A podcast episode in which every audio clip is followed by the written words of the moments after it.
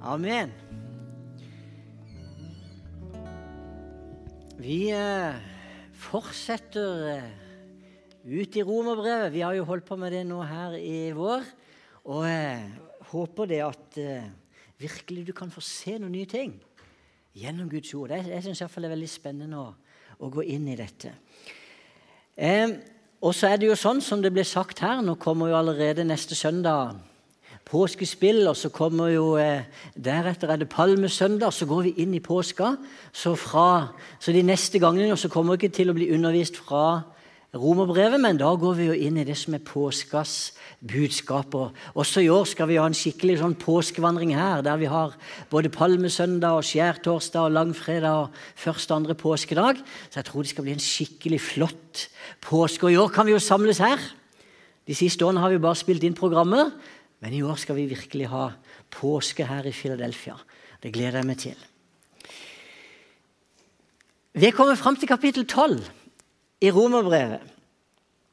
Og fra kapittel 12 Det er ikke sikkert du har tenkt sånn når du leser selv, men der skjer det faktisk en, en slags endring i det som Paulus skriver. For fram til, til da, de elleve første kapitlene så har på en måte Paulus han har lagt ut evangeliet. Han har liksom lagt ut hva er det vi tror på, osv. Men fra kapittel 12 så eh, går han over til å formane de kristne. Altså fra å erklære og løfte fram at vi er rettferdiggjort ved troen på Jesus og velsignelsen som følger med det, så begynner Paulus i kapittel 12 å snakke om åssen skal vi leve dette ut i praksis. Hvordan skal vi leve det kristne livet? Og Derfor så har jeg satt som overskrift på talen i dag det kristne livet i verden. For det er det som kommer nå her de neste gangene. Og Det kapittel som vi skal lese i dag, det er delt inn i fire deler. Og hver for seg så omhandler de delene vår relasjon med omgivelsene rundt oss. Så det jeg skal tale om i dag, de fire tingene, det er vår relasjon med Gud det er vår relasjon med oss selv. Det er vår relasjon med de andre i menigheten. Og hold deg fast vår relasjon med fiendene. Den trykker godt i kjøttet, he? men ikke gå. Og I dag så skal jeg gjøre litt annerledes òg, for jeg kommer til å lese ett og ett avsnitt og så knytte noen tanker til det. Og Det første som jeg skal si litt om. Det omhandler da vår relasjon til Gud, som jeg har kalt det her. Og da leser vi sammen vers 1 og 2 i Romerbrevet, kapittel 12. Og Dere som har med de ekte biblene, kan løfte de høyt. Og dere som har epper, dere bare dukker forsiktig ned sånn, og så, okay, sånn som vi pleier. For når Bibelen er åpen, så taler Gud. Og når Gud taler, så skjer det noe. Jeg kan jo ikke stå her og si når appen er åpen, så taler Gud. Du hører det, det klinger jo ikke i det hele tatt. Derfor må vi ha noe som, som det er futt i. Når Bibelen er åpen, så taler Gud. Vers 1 og 2. Derfor formaner jeg dere ved Guds barmhjertighetssøsken. Bær kroppen fram. Hør hva jeg sa. Bær kroppen fram som et levende og hellig offer til glede for Gud. Det skal være deres åndelige gudstjeneste. Innrett dere ikke etter den nåværende verden, men la dere forvandle ved at sinnet fornyes, så dere kan dømme om hva som er Guds vilje, det gode, det som er til glede for Gud, det fullkomne. Jeg skal bruke mest tid på dette avsnittet av de fire delene. Paulus han sier altså det at han formaner de som leser dette. Og så vet vi at det ordet som brukes for formane her i Nytestamentet, det, kan, det er det samme som vi oversetter med å oppmuntre, og faktisk også å trøste. Og det gir faktisk veldig god mening å bruke ordene trøste og oppmuntre når vi leser videre i det som sies. For Paulus han sier at han formaner dem ved Guds barmhjertighet. Har du merket det? Paulus han har brukt de elleve første kapitlene i Romerbrevet til å skrive om Guds barmhjertighet. Dette er på en måte evangeliet i et nøtteskall. Det passer jo bra med det Hilde sa. Vi har skall, og så er det noe inni der. En demonstrasjon av Guds barmhjertighet til uverdige synder. Det er det Paulus har snakka om her i de første kapitlene. Han har snakka om hvordan Gud kommer med nåde, hvordan menneskene som er uten unnskyldning framfor Gud, de får nåde. De får barmhjertighet. Og Guds barmhjertighet handler jo da om hvordan han ga sin egen sønn for synderne. Hvordan han lot han dø på korset for å gjøre oss rettferdige. Hvordan han flytter vår synd og all elendighet over på ham. Og så er han barmhjertig mot oss som egentlig er syndere. Det er jo fantastisk evangelium. Og så forteller han hvordan han har sendt Den hellige ånd og gjort oss til sine barn. Sine barn. Det er barmhjertighet. Og derfor, hvis vi skal ta fram et nøkkelord i romerbrevet, så må det være barmhjertighet. Fantastisk ord. Barmhjertighet som vi blir lagt inntil Guds barn. Kan du se for deg hvordan en mor legger det nyfødte barnet inntil barmen sin? Det er fantastisk hvordan Gud gjør dette. Frelsen avhenger ikke av våre rettferdige liv, men av Guds barmhjertighet. Det gjelder jøder, og det gjelder grekere. Og det er dette Paulus skriver i Romerne 9. Det kommer altså ikke an på den som vil, eller som anstrenger seg, men på Gud som viser barmhjertighet. I Romane 11 også. Dere var en gang ulydige mot Gud, men nå har dere fått barmhjertighet. Fordi de andre var ulydige. Og på samme måte har de nå vært ulydige, men den barmhjertighet dere har fått, skal føre til at de også får barmhjertighet. Det er jo her Paulus snakker om hvordan dette går mellom eh, jødene og hedningene og tilbake og frem og tilbake. Det var jo dette vi talte om forrige søndag. Men Gud lukket alle inn i ulydigheten for å kunne forbarme seg over alle. Dette skriver Paulus om. Og Det er altså med utgangspunkt i Guds barmhjertighet at Paulus nå formaner de kristne. Og det fins ikke noe større motivasjon for å leve et liv i hellighet og renhet enn når vi ser, enn når vi ser og erfarer Guds barmhjertighet. Da får vi jo lyst til å gjøre det som er rett. Da får vi jo lyst til å leve et hellig liv. Da får vi lyst til å leve annerledes i denne verden enn de andre menneskene. For det er Guds nåde som fyller oss med takknemlighet. Og derfor så er dette på plass. For du ser, når vi har forstått hvem Gud er, når vi har erfart den levende Guds barmhjertighet, så vil aldri hans bud være noe som trykker oss ned. Da vil aldri hans krav være noe som vi tenker eh, eh, er noe som liksom skal være undertrykkende på oss. Nei, Guds bud, Guds krav, det er noe som løfter oss opp for du ser, Guds bud er det motsatte av undertrykkelse og livsfornektelse. Fordi alt det Gud har sagt, det Gud har befalt, er jo det beste for alle mennesker. Og hadde alle mennesker bare fulgt Guds bud, hadde det vært en fantastisk verden. Det er jo til det beste for oss. Og når vi forstår Guds barmhjertighet og kjenner Hans barmhjertighet, så får vi lyst til å leve det hellige livet. Paulus han formaner oss altså til å bære kroppen fram. Og Hilde sa jeg hadde sett noen nye ting. Jeg har faktisk det. Det som kommer her nå, det blir veldig sterkt for meg. Og kanskje alle dere har sett det før, men, men jeg har ikke sett det sånn før. Men du ser, Paulus formaner at vi skal bære kroppen fram som et levende og hellig offer som er til glede for Gud. Han sier ikke vi skal bære ånden fram eller hjertet fram. Han sier vi skal bære kroppen fram som et levende offer for Gud. Og så sier han det skal være deres åndelige gudstjeneste.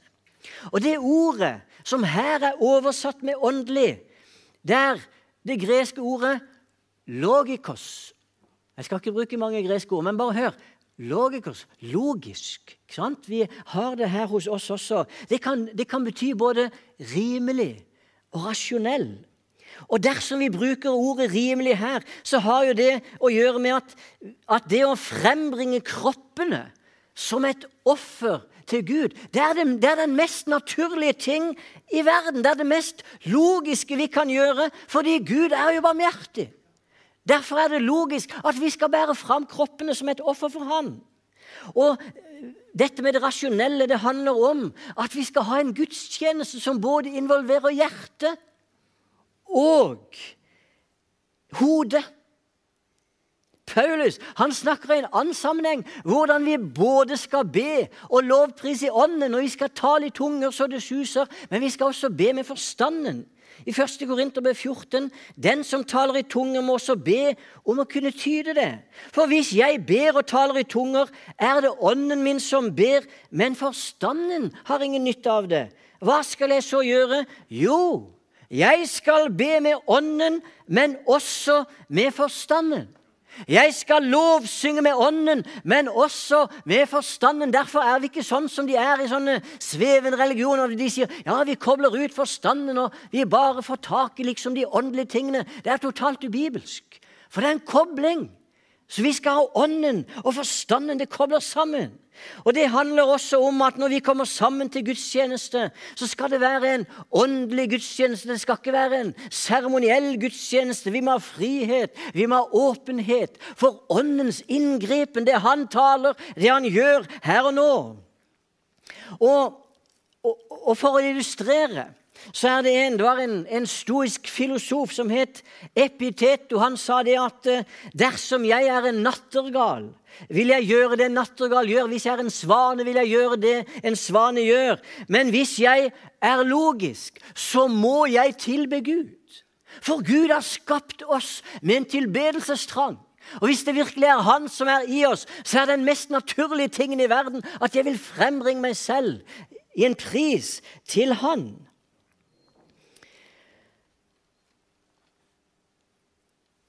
Hva består dette offeret i? Han sier vi skal bære fram et offer. Hva innebærer denne her gudstjenesten som, han, som Paulus snakker om? Paulus han snakker ikke om en gudstjeneste her som skal skje innenfor kirkas fire vegger eller innenfor tempelet. Han snakker om en gudstjeneste som holdes der ute.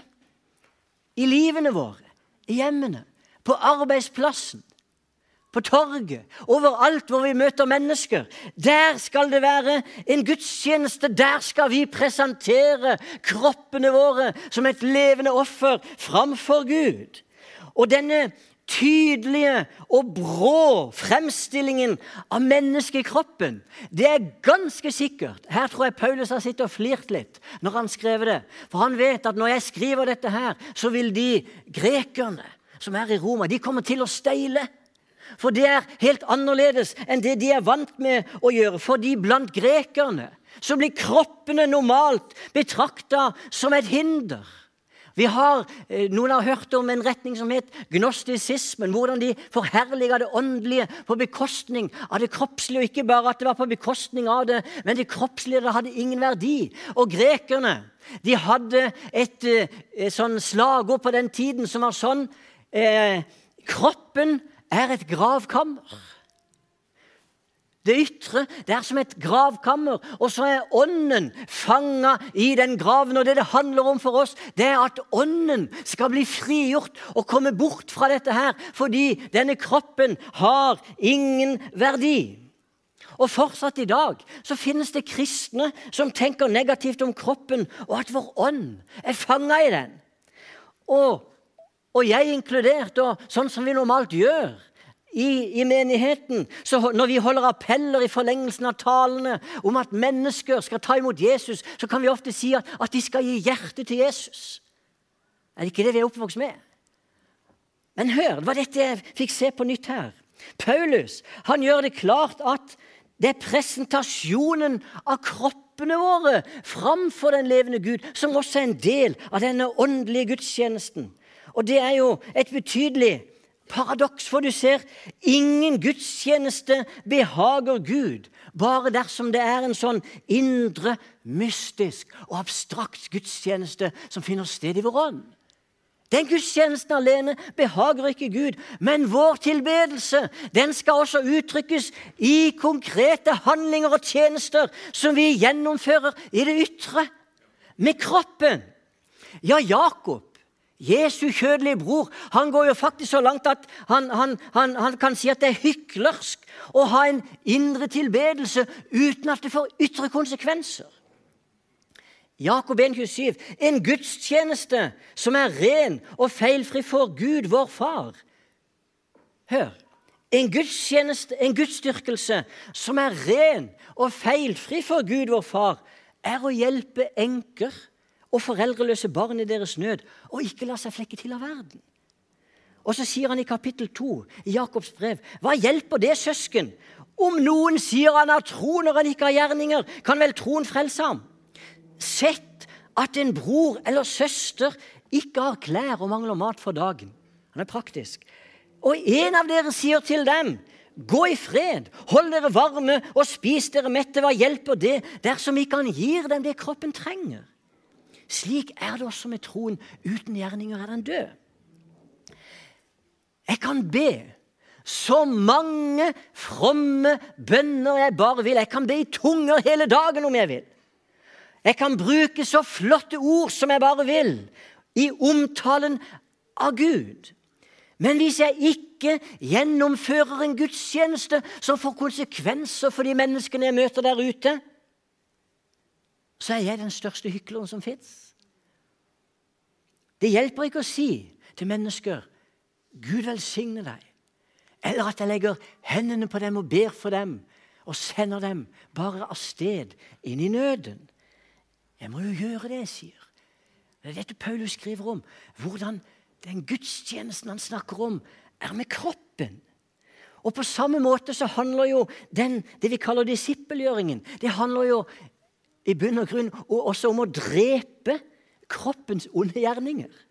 Og at vi skal presentere lemmene som hellige for Gud. Paulus skriver i Romerne 8.: Derfor, søsken, skylder ikke vi vårt kjøtt og blod noe, så vi skulle leve slik det vil.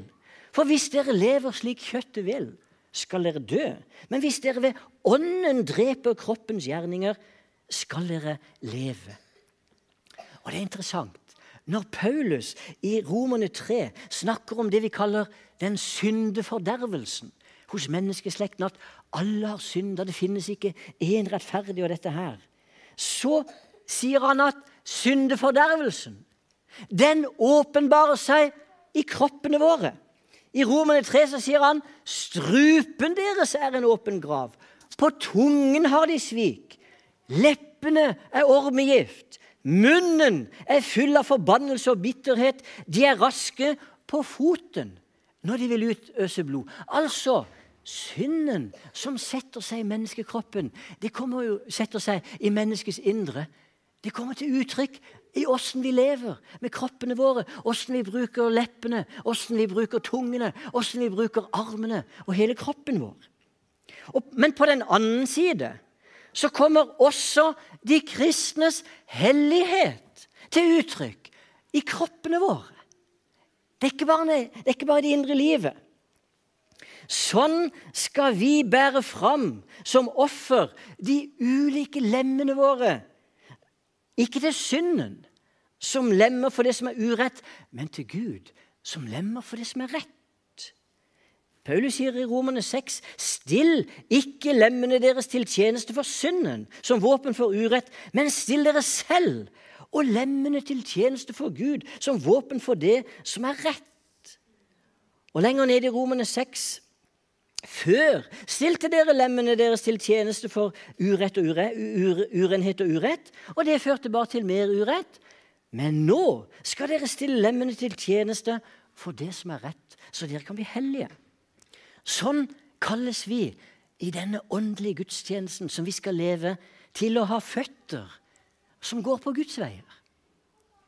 Med leppene skal vi tale sannhet og forkynne Guds ord. Det begynner i det indre, for Jesus sa det hjertet er fullt av. Det taler om munnen, og Derfor kan du se. Folk kan unnskylde seg og si ja, men jeg er egentlig ikke sånn. Skal jeg si Det noe? Det som kommer ut av min og din munn, det er akkurat sånn vi er. Det er akkurat sånn vi er. Folk kan unnskylde seg og si ja, men det er min karakter, og jeg klarer ikke å gjøre noe med det sinnet. Nei, da må du søke Gud. Du må fylle deg med Guds ord. Du må fylle deg med Den hellige ånds nærvær og kraft og kjærlighet. For det som kommer ut av min munn, det er det som han har lagt her. Gudstjenesten som er i det ytre. Det er kobla til det Gud legger i oss. Og Derfor skal tungene være til helbredelse. Hendene de skal brukes til å løfte opp utslåtte og nedslåtte mennesker. Vi skal bruke hendene til å løfte opp på en sånn måte, på samme måte, like naturlig som vi bruker dem til kjøkkenarbeid og vedhogst og annet arbeid. For det er naturlig å bruke hendene, men det skal være naturlig å bruke dem i tjeneste for Gud. Armene våre er til å omfavne de sørgende og de foraktede. Med ørene så skal vi høre ropene til de hjelpeløse. Det er lett å lukke igjen. Noen ganger kan vi bare skru av. Med øynene skal vi se dem som Gud ser, med den samme miskunnhet som er i hans blikk. Gud du ser, Gud krever offer som er fullkomne. Derfor var Jesus det eneste offer som Gud kunne ha behag i når det var snakk om å bære fram det som kunne tilgi synden. Det var bare ett eneste offer som Gud hadde behag i. Det var bare ett eneste lyteløst lam. Men når vi er i Kristus, og Han er i oss, så kan vi bli sånne offer som Gud gjerne tar imot. Når vi er rensa i Kristi blod, når vi er fylt med Den hellige ånd, så har vi mulighet til å leve sånn som det behager Gud, sånn som kan glede Han.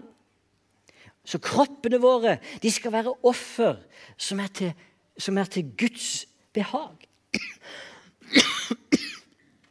Og Det er dette Paulus kaller en åndelig gudstjeneste, når vi bærer kroppene fram sånn. Og Så sier Paulus i vers 2.: Innrett dere ikke etter den nåværende verden, men la dere forvandle ved at sinnet fornyes, så dere kan dømme om hva som er Guds vilje, det gode, det som er til glede for Gud, det fullkomne. Dette er jo Paulus sin versjon av formaningen om at ikke vi skal tilpasse oss de skikkene som er i denne verden. Gud har kalt sitt folk til hellighet og renhet gjennom hele historien. Og hellig det betyr å være utskilt, det betyr å være annerledes. Det betyr å være hogd av fra det som er urent, og leve et nytt liv. Og Det var jo dette Israel fikk høre. De bodde iblant folk som sto imot Guds vilje hele tiden. Og så, og så, så, så får de høre dere skal ikke gjøre som de gjør i Egypt, det landet dere har bodd i, eller som de gjør i Kanan, det landet jeg fører dere til. Dere skal ikke følge deres forskrifter. Jesus sa det samme da han i bergprekenen han fortalte om fariseerne. Han fortalte om verdens mennesker og hvordan de var hyklere, blant annet, og hvordan de praktiserte ting. Så sier han, 'Vær ikke lik dem'. Og Paulus, det er jo dette som han tar tak i. Vi skal ikke være som kameleonen som tilpasser seg fargene i omgivelsene. For det er så lett og bare gli etter i det som er rundt oss. Og Derfor kommer Paulus med denne formaningen at ikke vi skal tilpasse oss den kulturen og den verden vi vokser opp i. Vi lever midt i verden, men vi er ikke av verden. Men vi lever midt i det. Vi kan ikke gå ut fra det. Men det går an å leve annerledes, ta andre valg enn det folk gjør. For du ser, fra naturens side så virker det som at vi mennesker vi er imitator. Vi hermer mye mer enn vi vil innrømme. Vi tror vi er selvstendige, men vi er utrolig til å imitere. Vi, vi bare lar oss påvirke. Og enkelt sagt så, så, finnes det bare to modeller i verden som vi kan kopiere. Den ene modellen det er jo den som er fra denne verden eller fra denne tidsalderen. Paulus bruker et sånt ord, at ikke vi skal være lik denne tidsalderen. Men den andre modellen det er jo det som er Guds vilje, og det som kommer fra ham, og som er til glede fra ham. Og det er en viktig detalj her. Når, jeg, når Paulus snakker om den, at vi skal la oss forvandle, sier han. La dere forvandle. Da er det en viktig detalj. For det ordet som brukes der, det er det samme som brukes når det snakker om den forvandlingen Jesus gikk gjennom da han tok med seg Peter og Jakob og Johannes og gikk opp på fjellet og møtte Moses og Elias, så står det der at da de var der, så ble hele hans utseende forvandla. Klærne ble hvite, hvitere enn det gikk an å bleke på jorda. Ansiktet og hele kroppen skinte som et sterkt lys. Og Hva er det vel fram til med dette? Jo, det skjedde en total forvandling med Jesus som de fikk se, for de fikk se han i hans herlighetslegeme. Og når Paulus her snakker om den forvandlingen som skal skje med oss, så er det på samme måte. Vi skal leve et hellig og rent liv som er like tydelig som det var når Jesus skinte i sin herlighet der på fjellet. Vi går ikke rundt og lyser, men det vi gjør, gjerningene våre, oppførselen vår, det vi sier, alt vi er og gjør i Jesus Kristus, skal være som at det lyser av oss, og at folk skal se tydelig her er det noe annet. Her er det en som er skikka lik noe annet enn det som er i denne verden. Fordi det er det samme ordet. Sånn Jesus ble forvandla, sånn skal bli. Vi blir forvandla her og nå. Og Paulus skriver om det i 2. Korinterbrev 3. Og vi som uten slør for ansiktet ser Herrens herlighet som i et speil, vi blir alle forvandlet til dette bildet. Bare siter så ikke dere skal tro det er vranglære her. Men vi skal bli forvandla til det bildet Kristus har i sin herlighet. Og det begynner å skje her gjennom gjerningen vi gjør. Fra herlighet til herlighet. For dette skjer ved Herrens ånd. Kristus i oss vil også skape et forvandla ytre. Hvis ikke jeg har et forvandla ytre, så må vi sannelig spørre er, Christus, er det Kristus som preger meg. Og så sier Paulus, hvis jeg spør ja, hvordan skal denne forvandlingen skje, jo, ved at sinnet fornyes, sier han. Vi skal ikke bli likedanna denne tidsalderen. Vi skal ikke tilpasse oss.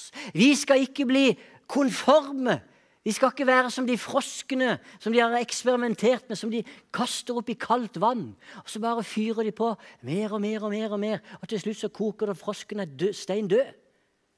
For han har ikke merka at omgivelsene forandrer seg. Han har bare glidd i det. Vi skal ikke bare gjøre ting uten å tenke over hvorfor gjør vi det. Paulus formaner oss. Det er så lett å gli inn i det. Pengebruk. Hvordan vi organiserer samlivet vårt. De grove vitsene som de forteller på arbeidsplassen. Du trenger ikke le av det. Når baksnakkingen begynner Det går an å vri samtalen over på noe annet. Det går an å ikke være med. Lyset vil begynne å skinne. Det vil stråle ut av deg. Folk vil begynne å spørre hva er dette? De vil tiltrekkes av det som skinner i deg. Det er vi som skal prege verden. Det er ikke verden som skal prege kirka. Men altfor ofte så må vi innrømme det er det som skjer. Og Derfor formanes vi i dag til å stå sammen. Reis deg, Guds menighet. Reis deg, Guds menighet. Stå opp i den stråleglansen. Vær stolt over de budene som Herren har gitt. Vær stolt over alt Han har sagt. Også det som du kan bli mobba for i dag, det du kan bli ledd av i dag. Bare vær stolt, for det er Herrens bud og godhet. Det andre hovedpunktet og Jeg sa, jeg sa det, det, det første var lengst, så slapp av. Det kommer langt ut. Men hør. Vår relasjon med oss selv Vi skal lese versene 3-8. Hvis dere har Bibelen åpne. Ved den nåde jeg har fått, sier jeg til hver enkelt av dere Hør. Tenk ikke for store tanker om deg selv, men tenk sindig. Vanvittig praktisk, Paulus. He? Hver og en skal holde seg til det mål av tro som Gud har gitt ham. Vi har én kropp, men mange lemmer, alle med ulike oppgaver. På samme måte er vi alle en kropp i Kristus, men hver for oss er vi hverandres lemmer. Vi har forskjellige nådegaver, alt etter den nåde Gud har gitt oss. Den som har profetisk gave, skal bruke den i samsvar med troen.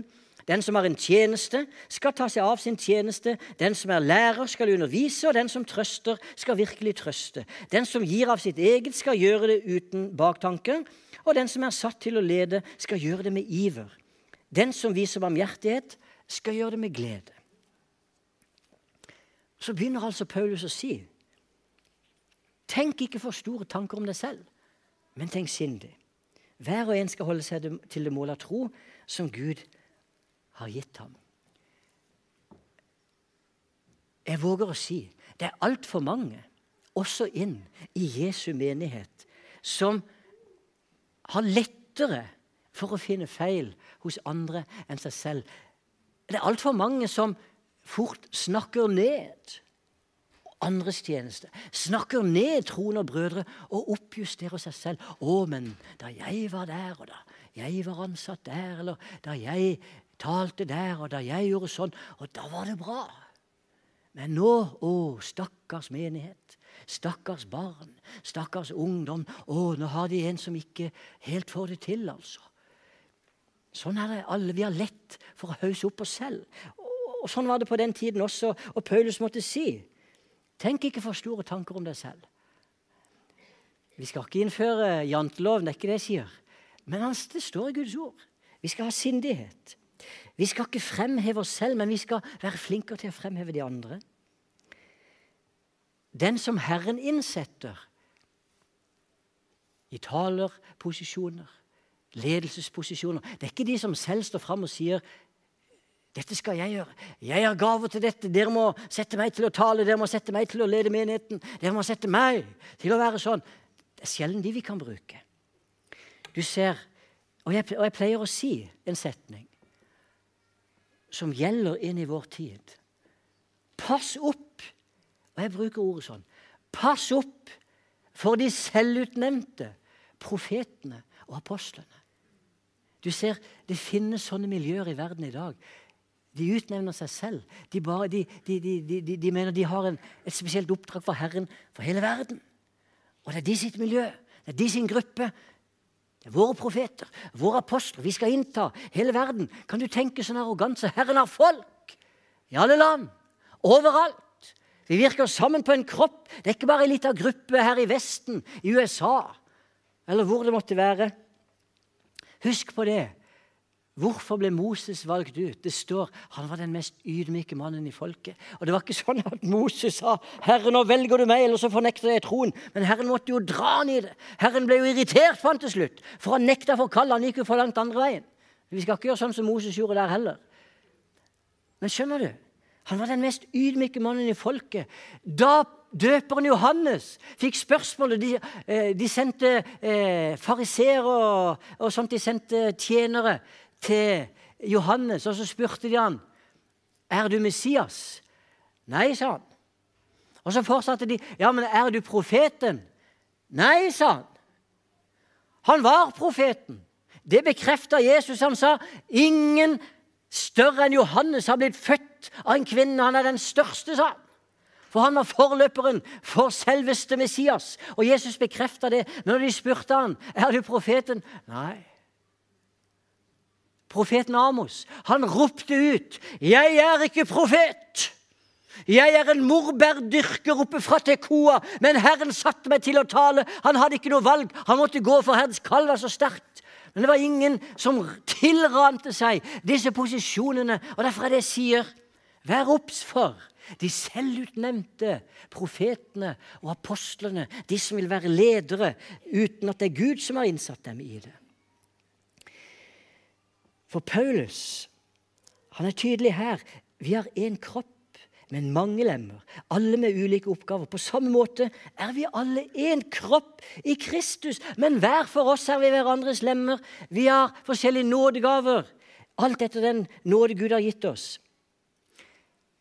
Vi trenger hverandre. Lemmene har ikke samme funksjon. Det er viktig at vi forstår det. Jeg fungerer i mine gaver, men jeg er avhengig av hver eneste en av dere som er her i denne menigheten. For det er når vi virker sammen, at dette fungerer. Og jeg elsker det bildet som brukes i Bibelen flere andre steder også, om at vi som tror på Jesus, vi er en kropp For det er noe jordnært. Det er så praktisk. Det er jo så enkelt at selv et lite barn forstår jo hva er en kropp. Åssen fungerer en kropp, åssen fungerer denne armen og denne foten og de andre lemmene vi har? Det er jo så enkelt. Selv om vi har forskjellige lemmer med ulike oppgaver, så må vi likevel alltid huske at sammen utgjør vi én kropp. Og på den måten, sier Paulus, er vi hverandres lemmer også. Vi smelter sammen.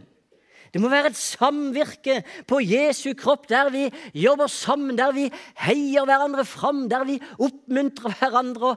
Dessverre må jeg jo si at altfor ofte i våre sammenhenger inn på Jesu kropp så har vi jo kjempa mer mot hverandre. Vi har, vi, har, vi har slåss, for å bruke et rett ord, i stedet for å stå sammen.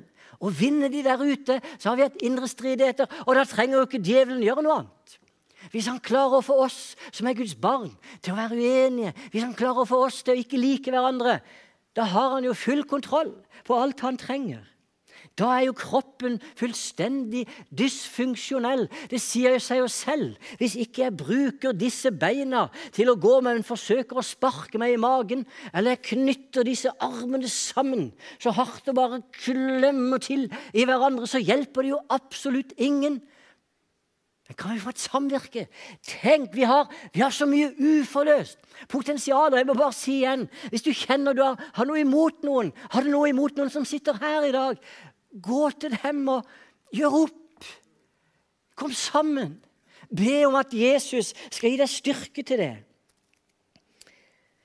For vi har en enhet.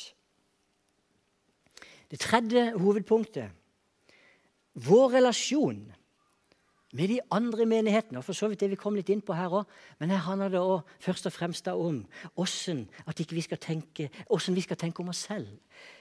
Men fra vers 9 til 16 så leser vi La kjærligheten være oppriktig. Avsky det onde, hold dere til det gode.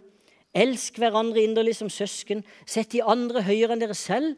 Vær ikke lunkne, men ivrige. Vær brennende i ånden.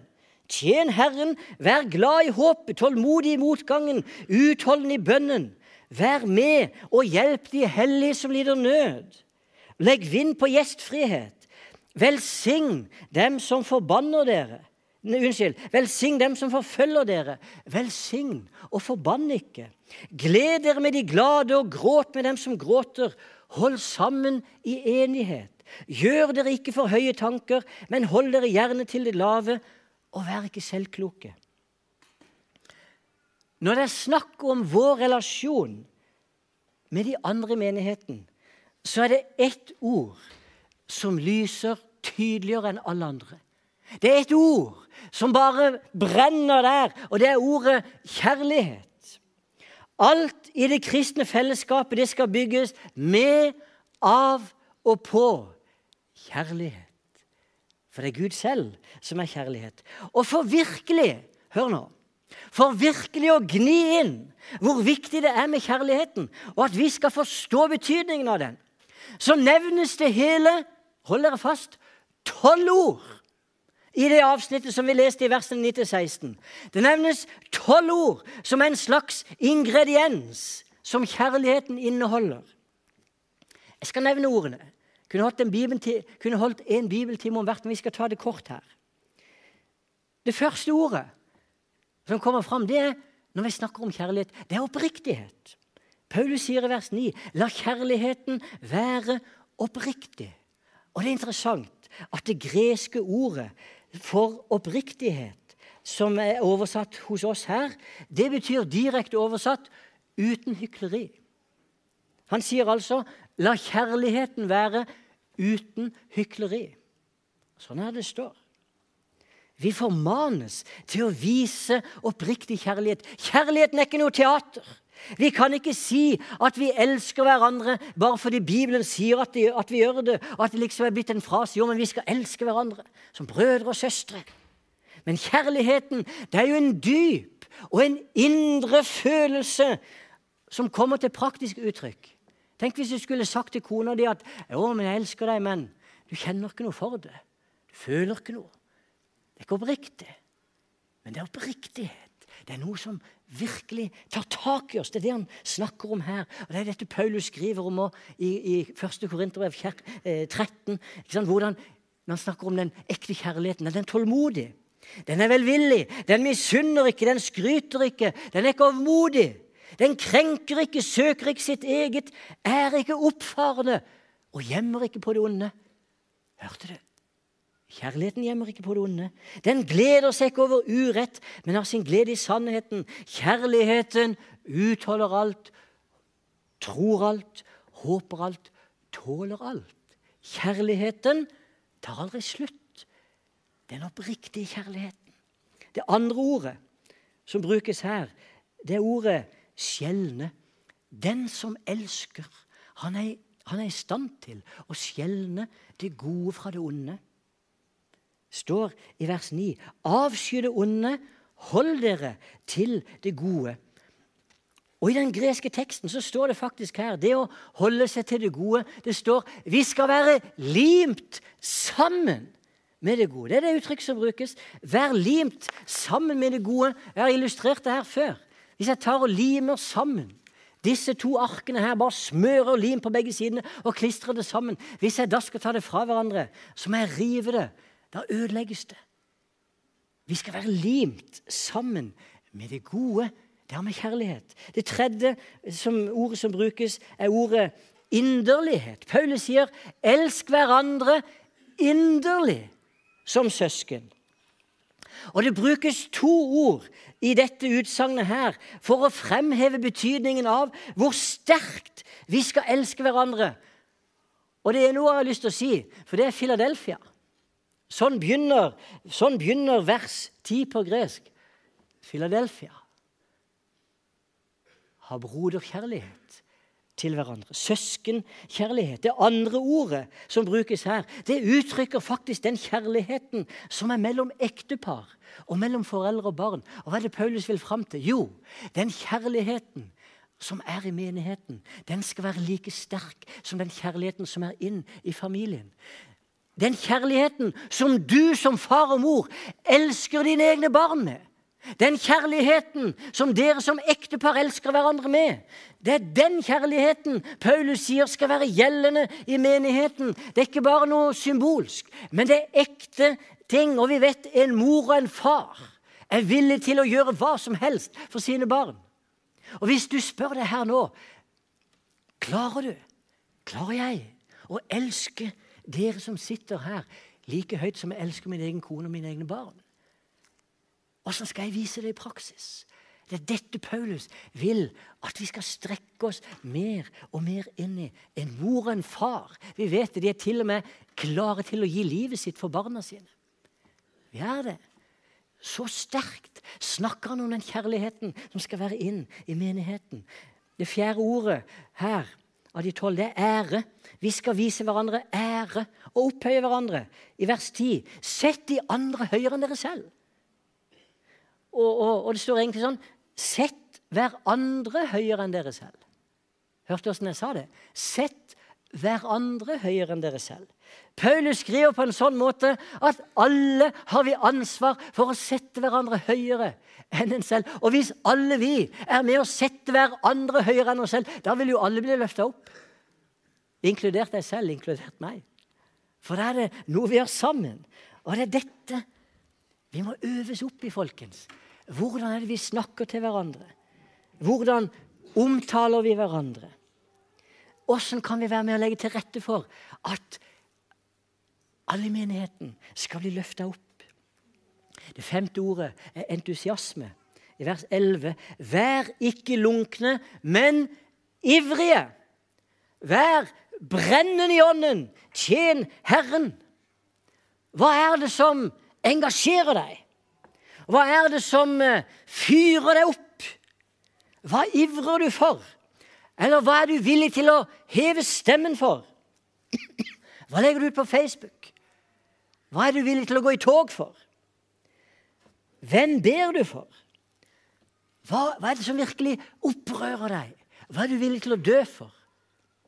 Det er mange ting som gjør oss ivrige, men Paulus han skriver på en sånn måte først og fremst skal vi være ivrige for Herren. Og hans kropp. Vi skal være ivrige for at den kjærligheten som er i oss, skal komme ut til de andre. For når Jesus fyller oss med sitt nærvær, så vil det jo bli tent en brann i oss. For alt som har med Han å gjøre, det vil bli tent en sånn kjærlighetens brann som gjør at kjærligheten til brødrene og søstrene den vil bli sterk. Og det vil brenne så sterkt etter hvert at det lukter svidd. vet du. Det vil boble over. Det er som ei kokende gryte som du bare fyller med vann, og så bare varmes det opp. Så renner det over. Sånn er det uttrykkene brukes her. Vi skal være brennende. Vi skal være hete i ånden. Det er den iveren. Det sjette ordet er tålmodighet. Vers 12. Vær glad i håpet. Tålmodig, tålmodige i motgangen. Utholdende i bønnen. Ordet som er brukt her, det brukes ofte knytta til forfølgelser, faktisk. Jesus sa i, i Matteus 10.: Dere skal hates av alle for mitt navns skyld. Men den som holder ut, som er tålmodig til enden, skal bli frelst. Han sa det også i andre sammenhenger. Den som elsker, vil fylles med tålmodighet og utholdenhet, også inn i prøvelser, også inn i vanskeligheter. Og så trekker han også inn det som har med bønnen å gjøre. Det som har med, med, med, med dette. Og Paulus han snakker om at uh, den kjærligheten som vi fylles med Når den er kobla til tålmodighet, så vil den aldri ta slutt. Og det er ikke for ingenting at i Bibelen så sammenlignes forholdet mellom Jesus og menigheten med forholdet mellom et ektepar. Mann og kone. Et ekteskap. Og sånn som i et ekteskap så forplikter også vi i menigheten å gi oss selv til hverandre. Det er som vi inngår en pakk, sånn som vi gjør i et ekteskap. Vi gir oss selv til hverandre. Jeg skal være med min kone så lenge jeg lever her. Det er utgangspunktet. Så, så, vet vi at det skjer. Eh, mennesker går gjennom vanskelige ting, og så, og så må vi hjelpe dem i det. Men utgangspunktet er alltid vi gir oss selv til hverandre hele livet, og sånn gjør vi også i menigheten. Vi gir oss til de andre. Kjærligheten er tålmodig.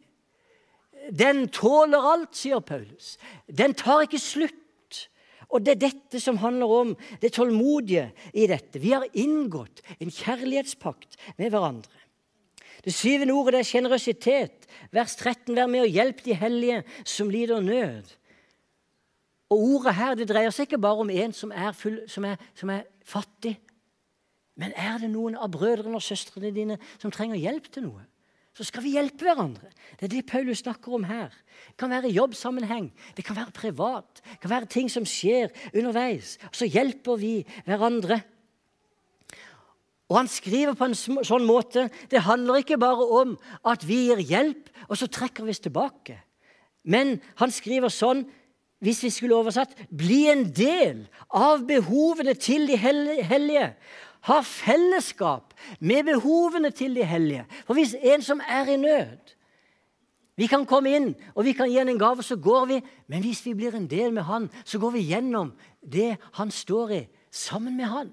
Ser du forskjellen? Det er dette vi kalles til å bli ett med dem som lider nød. Og vi skal være sjenerøse. Gjestfrihet er det åttende ordet som man brukes.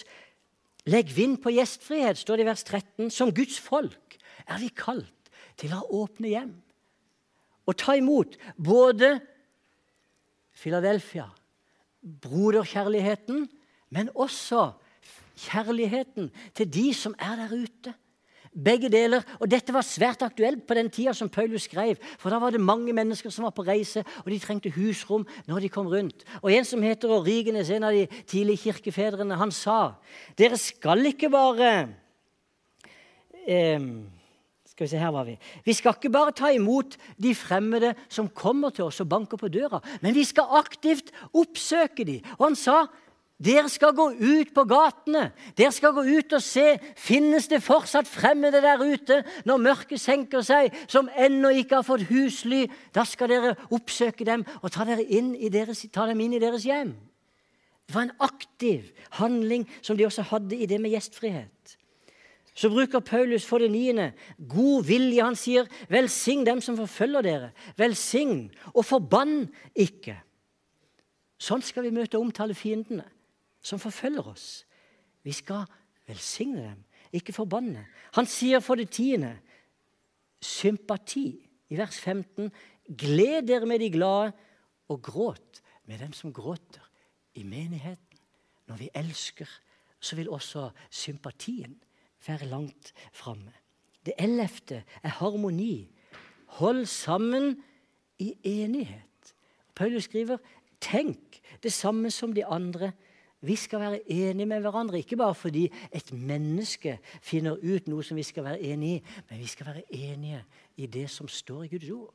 Være enige i det som Jesus har løfta fram. Alt dette er en del av kjærligheten. Og det siste ordet her er ydmykhet. I vers 16 så skriver Paulus.: Gjør dere ikke for høye tanker, men hold dere gjerne til det lave, og vær ikke selvkloke. Igjen ydmykhet. Og vi utfordres her faktisk til ikke å bli høye på oss selv. Vi skal ikke tenke høye tanker om oss selv, men vi utfordres til å bli assosiert og bli en del med dem som ikke er regna for noe i verden, med de som betraktes som mindreverdige. Det Paulus skriver om her, hold dere gjerne til det lave, til det som blir sett ned på. Er jeg villig til å gå ned på deres nivå? Er jeg villig til å bli assosiert med en som faller? Det er lett å stå her ved siden av en på scenen som har et liv som går som det suser. Hva om han stuper? Er jeg villig til å bli sitert? Jo, men han er en del av vår menighet. Det var en av våre. Det er veldig lett bare se på kristne ledere. Noen ganger de distanserer. 'Å nei, men han, han hadde ikke noe med forsamlingen her å gjøre.' Så har han vært en del av det. Det er et forferdelig slag for den som faller. Er jeg villig til å gå ned på det nivået? Bare se det som skjer i Australia nå, skal ikke henge ut noen spesielt. Men dette er i full offentlighet. Statsministeren i Australia han har stått, han har stått ved siden av Brian Houston. Jeg kan vise dere bilder. Han har stått og skrytt av dette, men så fort når Brian Houston har falt, og dette kommer fram, så bare trekker han seg vekk. Nei, Jeg har ikke vært i den menigheten på lang tid. Han var der i 2019. Kan gå inn og se bilder. Han har vært medlem i menigheten før, men han bare distanserer seg. Å nei, jeg har ikke noe med han å gjøre. Sånn er det så lett for oss å gjøre, også hos oss. Også den som har falt, også den svakeste, er en del av menigheten. La oss huske det når vi kommer opp i det. Derfor så handler det om ydmykhet. Og kort til slutt det fjerde. Det skal jeg ikke si mye om. Men jeg vil at dette òg må synke litt inn hos oss. For det står Jeg har overskriften der. Vår relasjon med fiendene. Og hør hvordan Paulus sier. Gjengjeld ikke ondt med ondt. Ha tanke for det som er godt for alle mennesker. Hold fred med alle om det er mulig, så langt det står til dere. Ta ikke hevn, mine kjære, men overlat vreden til Gud.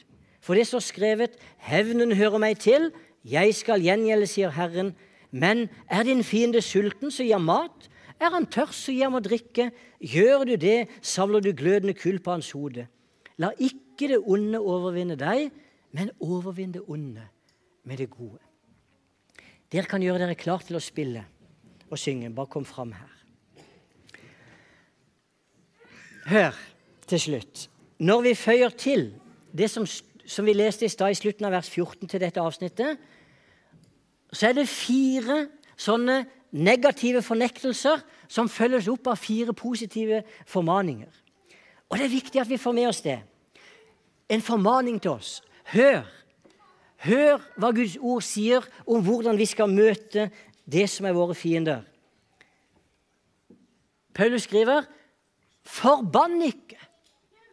Uansett hva mennesker gjør mot meg, så skal ikke jeg forbanne dem, men jeg skal velsigne dem. Jeg må bare si sånn som det står i Guds ord. Det er sånn det står. Ikke forbann, men velsign. Og vi må be Herren om kraft og nåde til å få til det. Det andre er, Paulus sier i vers 17, gjengjeld ikke ondt med ondt. I stedet skal vi ha tanke for det som er godt for alle mennesker. Mye ondt som skjer. Folk gjør onde ting mot deg, men du skal ha tanke åssen kan jeg gjøre godt tilbake? Røkker i kjøttet. Vers 19 skriver Paulus ta ikke hevn. I stedet skal vi overlate vreden til Gud. Vår oppgave er ikke å ta hevn. For det fjerde, i vers 21 vi skal ikke la det onde overvinne oss. I stedet skal vi overvinne det onde med det gode. Er det enkelt? Ikke i det hele tatt. Sier jeg, står jeg og sier at, at jeg lykkes i det? Ikke i det hele tatt. Men vi må forkynne Guds ord. Ved Herrens nåde er det mulig å endre holdninger. Ved Herrens nåde er det mulig å møte fiendene på en annen måte enn vi har gjort det nå. Mer enn noen gang så tror jeg vi trenger å be om at vi skal få del i Jesus sinnelag. Paulus skriver, han bruker det uttrykket noen steder i brevene sine. Kristi sinnelag. Hva handler det om? Tenke som Jesus. Forstå som Jesus. Føle som Jesus. Handle som Jesus. Se og høre det han hører, med de ørene han hører det med, og med det blikket han ser det med. Det er Jesus sinnelag. Skal vi stå opp?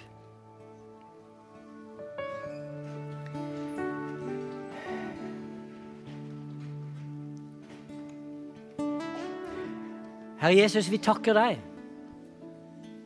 Vi priser deg også denne søndagen fordi det er din barmhjertighet som gjør at vi kan stå her. Det er din barmhjertighet, Jesus, som gjør at vi er tilgitt. Det er din barmhjertighet som gjør at vi kan bli helbreda for våre sykdommer. Og det er din barmhjertighet, Jesus, som gjør at vi kan kjenne glede i å leve etter ditt bud. Ja, Herre, det er din barmhjertighet som gjør at vi kan kjenne glede i å anstrenge oss i å leve etter dine bud. Ikke som noe stress og krav, men fordi vi virkelig vil. Fordi som du har elska oss, elsker vi deg, Jesus. Derfor takker vi for at vi kan stå her og vite det, Herre, at det hellige livet, det rene livet, det finnes i deg. Og du er i oss, Herre, og derfor ber vi nå om at du skal forløse din hellighet, din renhet, på en helt ny måte i livene våre i den tiden som kommer. Ja, vi ber Jesus om at den åndelige gudstjenesten som vi har hørt om i dag, virkelig skal komme til uttrykk overalt hvor vi kommer, Herre. Inn i hjemmene våre, på arbeidsplassen, på torgene. Hvor enn vi er, Jesus. La det lyset som var i deg, som er i deg, Jesus. Det lyset som skinte der på fjellet, Herre. La det virkelig bli synlig i våre liv. I Jesu navn. Skal vi synge og prise Jesus sammen. Og I løpet av denne sangen så, når denne sangen er slutt, så går vi også ut av sendinga. Vi takker dere som har fulgt med oss hjemmefra. Og Gud velsigne og styrke dere også. Hold fast ved ordet. Hold fast ved Jesu befaling. Hold fast ved det som Jesus har gjort for oss. Takk for i dag. Men vi synger, og så skal vi be litt sammen også før vi går inn og spiser.